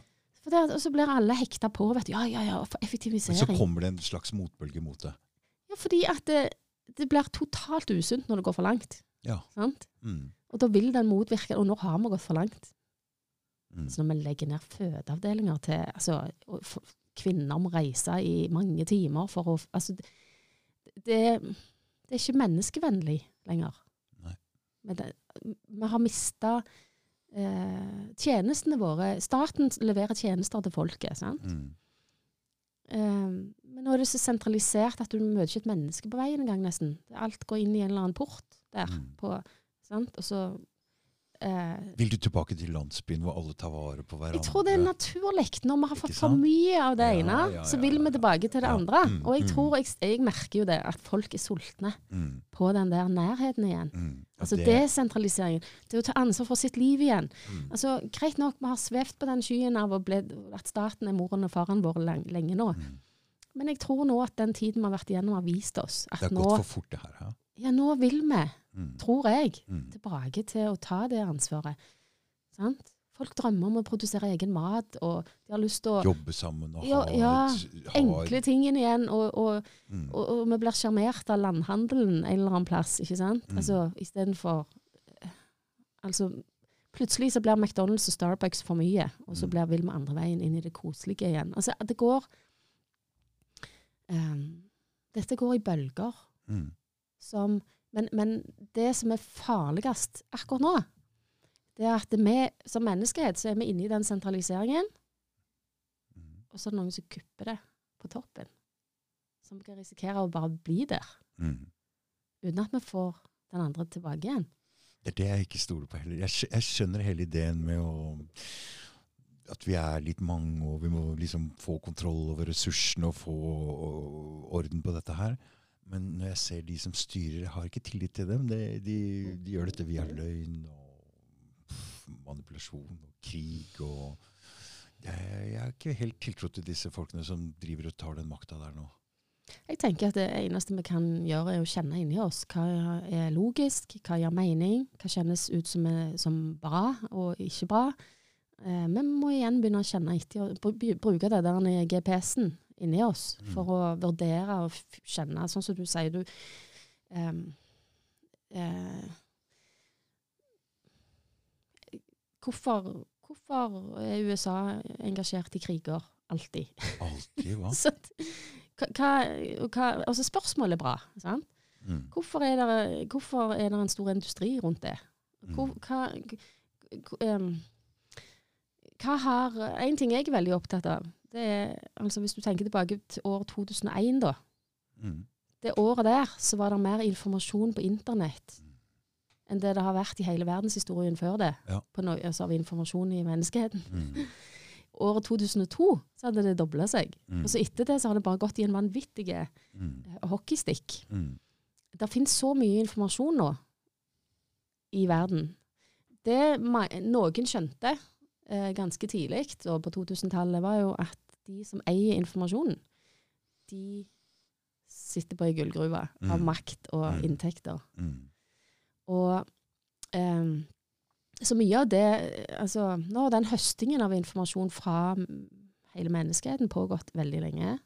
Vi har begynt å utvikle AI, kunstig intelligens. Du, har du vært borti den der chat-GPT? Jeg, Jeg har faktisk ikke jeg har bare hørt, jeg har sett andre som har gjort det, men jeg har faktisk ikke gjort det sjøl ennå. Men, eh, men det er jo bare en liten kuriositet, liksom. Men, ja. men eh, det virkelig store er jo liksom eh, hvis, du, hvis du hypotetisk da tenker at det media, det globale media, er, eh, har, eh, eh, har lyst til å påvirke. Altså, så er det jo lett å hele veien få feedback på hva, hvordan reagerer folk på det, hvordan reagerer de på det. Sant? Og så De lærer seg. der, også, sant? Altså, det Mm. går, det går an, med informasjon så har du så mye makt. Mm. Enormt mye makt. Vi begynte jo med Big Brother sant? for ganske mange år siden på TV, Ja, sant? ja, og skjønte at oi, de lever inne i sin verden her, de skjønner ingenting, mens vi står og ser på helheten av det. Og, og, Mm. og de som styrer programmet, de putter inn den utfordringen, den utfordringen, og så, og så Mm. ser du bare på hvordan dette bare utspiller seg. Mm. Det er det de driver med med oss nå? Jeg vet ikke, men potensialet er der. Ja, jeg tror det. Potensialet er der. Jeg, jeg liker å se på systemer, som Mm. sagt. Sant? Jeg har ikke lyst til å mistenke noen for å ville vondt, fordi det er jo det blir gjetting til slutt. Mm. Men når jeg ser systemene våre, som ligger så eh, eh, rigga da, for å utnyttes og misbrukes, Mm. så er jeg veldig bekymra. Derfor ønsker jeg å desentralisere makten. For det er jo sentraliseringen av makt som gjør at det kan misbrukes til ovenfor folket. Mm. Men får vi det desentralisert igjen, pulverisert, delt opp alle de store makt Altså, del, dele de opp. Mindre enheter Mm. Ikke for som ikke har lov å samarbeide. De har ikke lov, sant? For nå ser vi noe koordinert som ikke er sunt. Mm. Menneskeheten fortjener å blomstre, tenker jeg. Mm. Dette brenner jeg veldig for. Og jeg, Ja. jeg, har- jeg syns det er trist at det blir eh, mistenkeliggjort, liksom, at de som ikke er enige med det store Det, som all, det som blir sagt, den store historien, da. Mm. At vi blir mistenkeliggjort. Det, det er liksom sånn eh, Mm. tenker mm, vi trenger en stor samtale om alt. sant? Mm. Alt skal må kunne snakkes om. Ja, da kommer jeg til å tenke på den reaksjonen du fikk eh, angående det du sa på det fylkestinget. Med den, hva kaller du den tingen? eh, som- Interpellasjon. Interpellasjon. um, for det, det ble ikke veldig godt mottatt. Uh, da var det ord som konspirasjonsteoretiker og sånn kan vi ikke ha snakke om her. Og, Mm. så det var ikke lov å snakke om det der i det hele tatt. Altså, det, det jeg tok opp jeg, Først delte jeg jo tre historier fra Mm. tre vaksineskadde som har fått livet sitt ganske ødelagt på mange måter. mm, Som er sterk kost. mm. Eh, Og du er jo dems talerør på en ja. måte, du nå. mm, Mm. Fordi de henvender seg til deg fordi Ja. du sendte det brevet til Solberg i, i 21. mm, Så har du liksom fått den rollen. Ja. Og så vil ikke de andre høre på deg i det hele tatt. Nei, men, én ting er at de ikke vil høre på meg. Jeg er jo bare en kanal for Ja. de, da. Mm, Sant? Men mm. det betyr jo at de ikke Det var ingen av de som svarte meg, som, som uttrykte empati, f.eks., overfor de Mm. tre som er skadd. Sant? Yes. Jeg, det, var, det var liksom ingenting Det var liksom ikke viktig. Det forundrer meg jo stort, Mm. faktisk. Mm. Og, og resten av de tingene jeg tok opp, var jo spørsmål, hovedsakelig. Mm. Sant? Mm. Og, og et spørsmål om at vi trenger, vi trenger å se på dataene for å finne ut skikkelig Mm. hva har skjedd, og Mm. er dette trygt. Eh, og det pleier jo å være en helt OK sak. Og altså, på fylket så har vi ansvar for folkehelsen. Det er jo en Mm. del av vårt eh, mandat sant? på fylkesnivå. Ehm, så, men det, det ble jo da Det var jo ingen av de som svarte meg, som møtte meg med argumentasjon på innholdet mitt. Nei. Liksom. Det var egentlig mest bare uh, for å skyte meg ned. Og Og sånt kan vi ikke snakke om her. ja. Det var det du fikk beskjed om. Mm. Det er ganske harde fronter ennå, ja. ja. Dette er ikke så lenge siden. Nei, det var 14. desember. Ja, Ikke sant, en- litt over en måned. Mm. Eh, Blant den generelle befolkninga så er det ikke så vanskelig å ta opp disse tingene lenger. Det går an å snakke om det uten at eh, Men der Mm. var det ikke lov. Nei. Det er Men du var ikke overraska over det, du? Nei, egentlig ikke. Men um, Det er litt skuffende allikevel. Ja, det det er klart. Altså, jeg, jeg, igjen så jeg har ikke noe annet ord enn absurd, egentlig. Mm. For jeg syns det er det. Jeg syns Mm. ikke kart og terreng stemmer helt. Mm. Altså um, Så vi er ennå en- ikke voksne og modne nok til å kunne snakke åpent om ting. Vi må bare lokke ned de som har en annen mening. mm. Og det, er, det er noe som er ufattelig trist, syns jeg, i denne mangelen på debatt som har vært disse årene nå. Det Mm. det er at ikke folk skjønner forskjellen på, på eh, budbringer og budskap. Mm. At budsk, altså en, det, når noen kommer med et ubehagelig budskap, så, så forsøkes det å tas med å skyte ned budbringeren, Mm. istedenfor å forholde seg til budskapet. Mm. Som egentlig ikke er så veldig rart eller kontroversielt i det hele tatt, så som bør snakkes om. Det bør snakkes om. For hvis det er sånn at vi skal legge lokk på eh, disse tingene, så vil det jo bare bli mer trykk, vil ikke? Det vil det. Da det, å kunne, jo det å kunne snakke om ting fritt vil jo lette på trykket og få Mm. ting litt på plass igjen. Jeg fatter ikke hva de tenker på her nå. Å låse ned alle mulige meninger som avviker fra um, ja, nesten media, kan du si. Altså, vi trenger ekte altså Folk har jo, de, de har jo antenner for å kjenne når de kjenner seg fri, og når de Mm. kjenner seg tvungen. Mm. Sant? Og, og det er klart det er mange som um, Det er mange som angrer på at de tok vaksinene. Og Mm. når de ser i etterkant at det, de verken forhindrer smitte eller, eh, eller hindrer, hindrer sykdommen, holdt jeg på å si. For det var en ting du sa der, at du sa at denne i etterkant ikke ville forhindre smitte, men det, det nektet de på. Det vil ikke Ja, ja. Men Pfizer har jo sjøl Ja, sagt det i. Europaparlamentet. Ja. Mm. Eh, så, så, men igjen, det blir interessant å se den der timelinen. Hva som blir sagt i media, hva som blir sagt av myndighetene til hvilken tid. Mm. Og hva backing de egentlig hadde. Mm. Altså hvor mye sjansespill var det her, og hvor mye var det egentlig som var Denne debatten, bør, denne debatten må tas før eller senere, men den Ja. er liksom blitt glemt i kjølvannet, eller i ly av den krigen som foregår. Ja, men det er òg viktig å ikke glemme det, fordi at Mm, eh, da ble, kommer det en ny situasjon. Så må Mm. vi ta det en gang til. Mm. Så, Vi må så, lære. Vi må lære av dette nå. Mm. Derfor er jeg så opptatt av at vi får fakta på bordet nå, da. Mm. Eh, Og at vi skal tørre å snakke om det. Mm. Ja, det er viktig. For det, frihet er ufattelig viktig for meg. Individets sin frihet. Og at vi um, At vi Ja. Ikke Altså, staten skal ikke gripe inn i privatlivet til, en- til en borger, liksom. Eller et fri, fritt menneske. Spark inn døra for å se hvor mange du har på besøk, f.eks. Én ting, er jo- en ting er at vi har felles regler i samfunnet. Mm. Det må vi jo ha. Mm.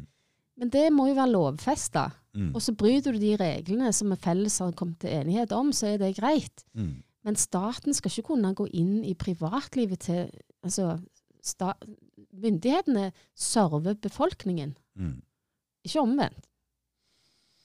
Ja, for det er sånn, nå har du tre på besøk, og så har du fire, så Så er det ulovlig. Så kommer du med å sparke Ja. inn døra di og gi folk bøter. Hva? Men tenk på alle de ufattelige skjebnene Ja, av eldre, eldre mennesker som har sittet alene og ikke fått besøk av familiene sine. Mm. og Ikke skjønt, Kanskje de har vært, demente, Mm. og ikke skjønt at eh, eh, hvorfor ikke familien kommer på besøk. Mm. Altså Det er ufattelige skjebner som ligger i denne historien. Ja, det er her. Er så, mm. det, vi, kan skrive, vi kan lage filmer og skrive tusenvis av bøker Mm, etter hvert mm. om bare de enkeltskjebnene. Mm. Og det er det jeg tenker på, at vi kan ikke bare glatte dette over med tall og alt sånt. Altså, Vi må se på hva har dette betydd for menneskene. Ja, for det, det argumentet er sånn Her har vi gjort eh, riktig. Ja. Norge, norske politikere. Jeg er Forsvar og stolt. Jeg er stolt. Mm. Jeg hørte jeg det ene forsvaret. Jeg er stolt av hvordan vi har uh, tatt Mm. dette.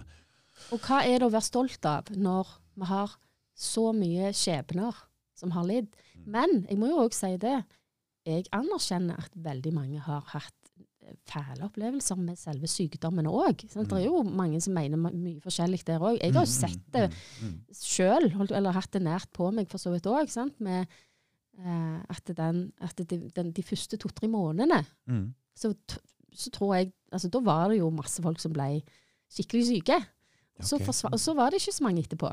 Nei. Så var det jo mer tiltakene som gjorde at det ble Men, men, men jeg vet jo ikke før vi Altså, dette er jo bare en opplevelse, eller det jeg har fått Altså Mm. eh, men jeg, jeg har òg respekt for at andre har, ser det på en annen måte, faktisk. Mm, Fordi så lenge ikke vi ser hele bildet, mm, og går skikkelig gjennom hva som har skjedd, så vet vi ikke heller hva har vært propaganda, hva har vært sånn, hva har vært mm, mm. hva egentlig er årsaken til det. Altså, veldig mye av tallene vi har hørt, har jo kommet fra f.eks. Eh, store tall på masse smitta som var positive tester, og ikke syke folk. liksom. Så, Ja. Men så plutselig i hodene våre så tenker vi oi, så mange syke folk. Men så var det ikke så mange syke folk. Så, var det, Mm. altså, så det er jo masse ting som må på plass for, for å rydde opp i hva, hva var dette egentlig for noe. Mm. For det her var jo noe rare greier.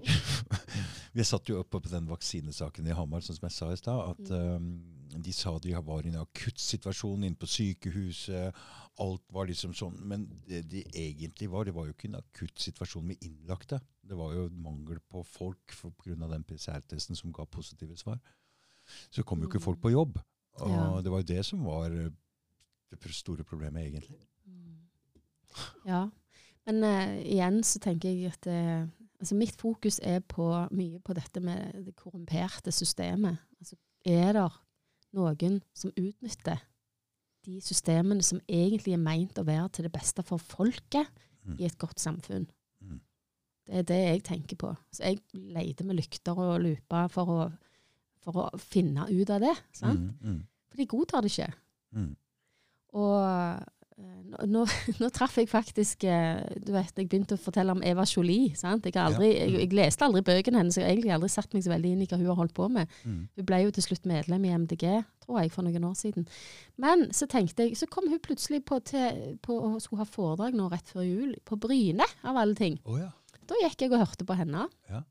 Og tenkte dette har jo noe å si, for det, det der med korrupsjon var det jo som trigga meg. Mm. At hun Hun har vært presidentkandidat i Frankrike, og hun har jo felt eh, ja, mektige folk der, hun, fordi hun har avslørt korrupsjon Mm. og har levd med livvakter og sånn. Sant? Men, men, så jeg snakket med henne etter foredraget, Mm. fordi jeg ble forundra. Fordi hun, hun fortalte jo disse sterke tingene som hun har vært med på Mm. Og avsløre, og hvor, gjennom korrupt veldig mye er da, i samfunnet. Mm. Men hun kom ikke på, inn på noe som var i nåtid. Nei. Og det forundra meg. Så jeg måtte spørre henne om det, liksom. Mm. Hva sa hun da? Men hun Nei, hun, hun, hun ja, Altså, jeg hørte at hun ikke forsto helt spørsmålet mitt engang. Mm. Mm. Så, jeg, så jeg Der ble jeg litt sånn Tenker Jeg ser korrupsjon. Mm. Eller jeg ser korrumpert. Hva er forskjellen? Det korrumperte systemet. Korrupsjon er vel eh, det er vel veldig sånn direkte hvis en person tar imot penger Ja. for å gjøre noe. Jeg, Mm, det mm. kan ikke jeg se at jeg ser. Det har jeg aldri sett i det politiske eller noen ting. Jeg. Det kan godt være det skjer, men jeg har ikke sett det. Nei. Ehm, men det korrumperte systemet, eller det korrum, når det er noe er korrumpert, Mm. så er det jo, da er det jo noe som har sneket seg inn. sånn at det blander seg jo. Mm. Så du ikke helt klarer å skille det ene fra det andre. Og det er ikke noen som tar imot penger nødvendigvis, men de har blitt påvirka. Mm. Påvirka, påvirka, påvirka Mm. i en eller annen retning Mm. fra noen. Mm. Da er det blitt korrumpert. Mm. Uten at du kan peke på at 'oi, han har' Tatt penger. Så enkelt Ja. er det ikke. Nei. Ikke så For jeg tror de fleste politikere, de er Gjør ikke det? De, nei, nei, de, jeg tror de, de fleste ønsker å bidra, og Mm. men så blir de bare fanga inn i det der utrolige poli, partipolitikken, da. Mm.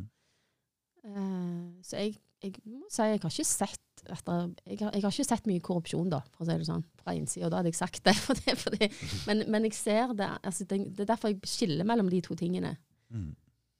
At det systemet har blitt korrumpert, infiltrert, fra ikke-demokratiske eh, påvirkning.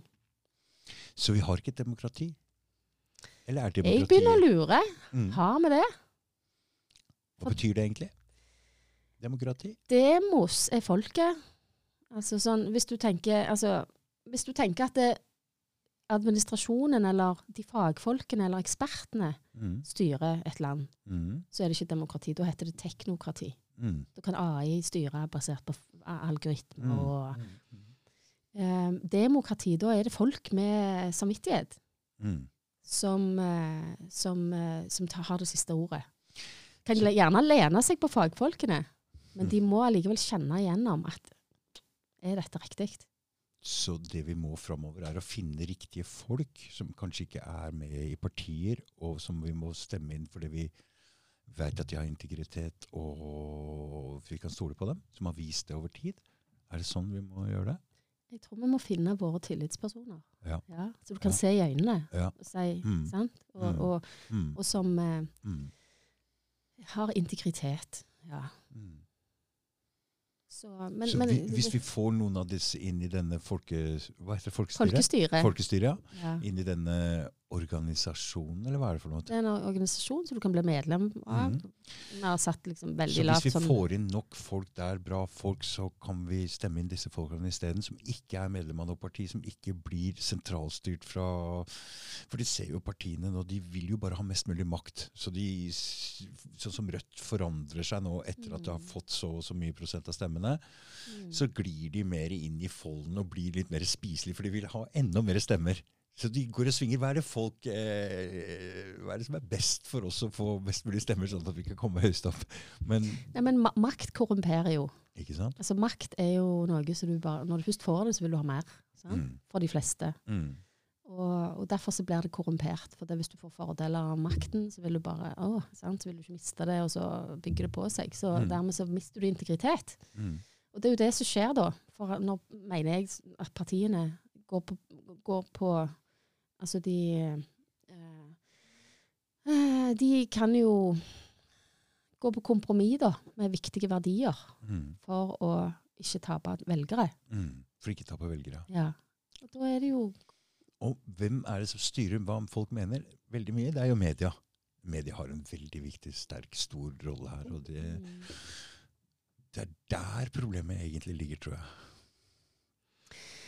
Ja, jeg mener jo at problemet ligger i at det som vi har snakket litt om, med at vi mennesker må bli voksne. Ja. Ja. Så, ja. Mm. sant? Og vite at det, det er oss sammen som Altså, vi trenger ikke være enige om noen ting. Nei. Bare vi er enige om at det er det vi bestemmer, for eksempel. Mm. Eller at mennesket er fritt. Mm. Sant? Disse ti prinsippene som folkestyret har, er jo, er jo på en måte født ut av min frustrasjon av det jeg ser mangler i, i, i demokratiet. Det jeg ser holder på å forsvinne. Så, så de ti prinsippene sier noe om individet, om hvordan vi må samarbeide, hvordan vi, hvordan vi eier våre naturressurser sant? og ikke kan selge det ut av landet, hvordan vår suverenitet må beholdes. ikke sant? Altså, en del sånne Mm. eh, prinsipper. Mm. Um, så ja, nei ehm, jeg, jeg vet ikke hvor veien går videre. Og, det, og jeg, egentlig så har ikke jeg lyst til å være politiker. Det har jeg ikke hatt lyst til lenge. Jeg prøvde å komme meg ut etter fire år i Stavanger. Mm. Eh, men så ble jeg spurt om å fortsette i Rogaland, og, og nå ser jeg jo òg at jeg har en rolle, liksom. Mm. Men det er jo ikke noe jeg har veldig lyst til, for å si det sånn. Nei. Men jeg ser jo at hvis det trengs, så må jeg jo så Hvis du har masse folk som står og henvender seg til deg, så uh, Det er ganske slitsomt. Ja. Så jeg har ikke noen ambisjoner på egne vegne. Jeg hadde, jeg hadde egentlig håpet at det skulle komme, vokse fram Flere, noen flere. som, ja, Mm. som kunne, sånn at vi blir en, i hvert fall en gjeng da, som eh, Og det, det er det jo for så vidt, men det, det tar liksom litt tid å finne formen på dette. Mm. Vi er jo, det er jo en haug med frivillige i folkestyret, og, Mm. og Du har funnet noen bra folk til å samarbeide med, ikke sant? Ja, ja. Vi er en ganske stor gjeng med kompetente folk, da. Men, Mm. Eh, men det er noe med timingen til ting. Altså, blir for, altså hvor tid, hvordan skal vi gjøre dette? Mm. Sånn? Mm. Vi er jo litt i støybeskjeder ennå. Ja. Så, men Og det eh, er bare bra. At dere ikke har noe fast der og lar den være åpen. Sånn Ja. at ikke, for det, det er vanskelig å se kanskje hva, hva ja, det skal bli. jeg tror det, til mer vi kan beholde det sånn minimalt. Altså, Mm. det, det er, kan vi samles rundt den forståelsen av at systemet har blitt korrumpert, og makten må tilbake til folket, Mm. så, er, eh, så har vi liksom altså Det er det som er oppdraget. Mm. Og, og, og så trenger vi ikke Vi skal ikke utvikle noe program. Vi skal ikke ha noen agendaer som havner i samme greia som de andre som begynner å slåss med hverandre. Mm. Dere, du kan komme, være med oss selv om du er i SV eller Frp eller Arbeiderpartiet eller Alle er velkomne inn i folkestyret hvis Mm. du er enig med at systemet har blitt korrumpert, Mm. og at vi må ha mer makt til folket. Mm. Så eh, ja. Det er det, det er ikke så noe fastlagt, så det, liksom, det avhenger litt av hva folk som kommer inn òg nå, Mm. og hvordan vi kan løfte dette. Vi leker jo med tanken nå på å kanskje sånn stille altså at det er noen av oss, Det blir jo ikke i regi av folkestyret direkte, men det er jo noen av oss som vurderer om å stille da, og lage en sånn gammeldags bygdeliste. Sant? Hva betyr det? Eh, altså, på storting, I stortingsvalget så er du nødt til å ha et parti Mm. for å bli valgbar. Mm. Men i fylke- og kommunevalg så har du lov å bare ha en gruppeliste. Mm. Altså det vil si engasjerte individer Mm. som blir enige om å lage en liste på minimum syv personer, Mm. og som får, eh, og som får eh, minimum 300 signaturer fra folk i den kommunen, eller Mhm. 500 fra det fylket. Mm. Så, er, så kan du levere inn lista før 31. mars klokka tolv, og så blir du en valgliste. Når er det valget? Det er nå i år. Ja. Ja, så den 31. mars Aha. kan vi levere inn lister Mm. for å stille til valg hvis vi ønsker det i forskjellige plasser. sånt. Så det, men det, koster, det tar jo litt tid å organisere det, og sånn, så det må være folk som har lyst til det. Og så må det jo være folk som har lyst til å komme på innsida, sånn som jeg har vært nå. Være på Mhm. innsida for mm. å snakke disse sakene. Mm. Sant? Ikke, og uten å ha en, eh, en, et partiprogram, Mm. men følge sin samvittighet og sitt, sin integritet overfor befolkningen. Mm. Altså hei, jeg er her for å jobbe til det beste for folket, jeg. Mm. Ikke for å jobbe til det beste for et parti, men jeg, jobber, jeg er her for å følge min samvittighet, for å jobbe til det beste for folket. Ikke for å bestemme over folket, men å jobbe til det beste for folket som en tjener. Sant? Mm. Og det er jo der jeg tenker at det, det må én og én kjenne på. Mm. Vil jeg, kan, vil jeg være med å bidra til dette, så kan du være med å stå på lista da. Mm. Sånn? Nå jobber vi litt med Oslo og Viken, og så jobber vi litt med Rogaland og Stavanger. Mm. Men det, vi får se om vi klarer å få det på plass, da. Mm. Så vi trenger jo 500 signatorer fra på fylkesnivå og 300 på kommunenivå. Mm. Mm. Og da blir det godkjent som en valgliste. Mm. Så blir det sidestilt som, en, som et parti, men det er ikke et parti. Det er spennende, det der. Det er, eh, det er en ny, helt ny tanke, ja. Mm.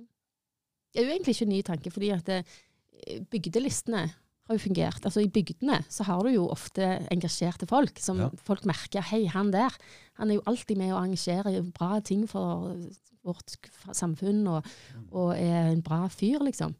Så er han ikke Sant. medlem av noe parti. Nei, men han kjenner seg ikke igjen i noen av partiene. Han ønsker Mm. ikke være liksom en som skal promotere Høyre eller Arbeiderpartiet eller noe sånt. Men, Mm. og så er det noen andre òg, og så er det hun som alltid er der, og, og han der, og sånn. Og så, og så har de ofte lagd en sånn en bygdeliste Mm. som er helt sånn uten parti. Egentlig skulle vi hatt en sånn diktator. en diktator.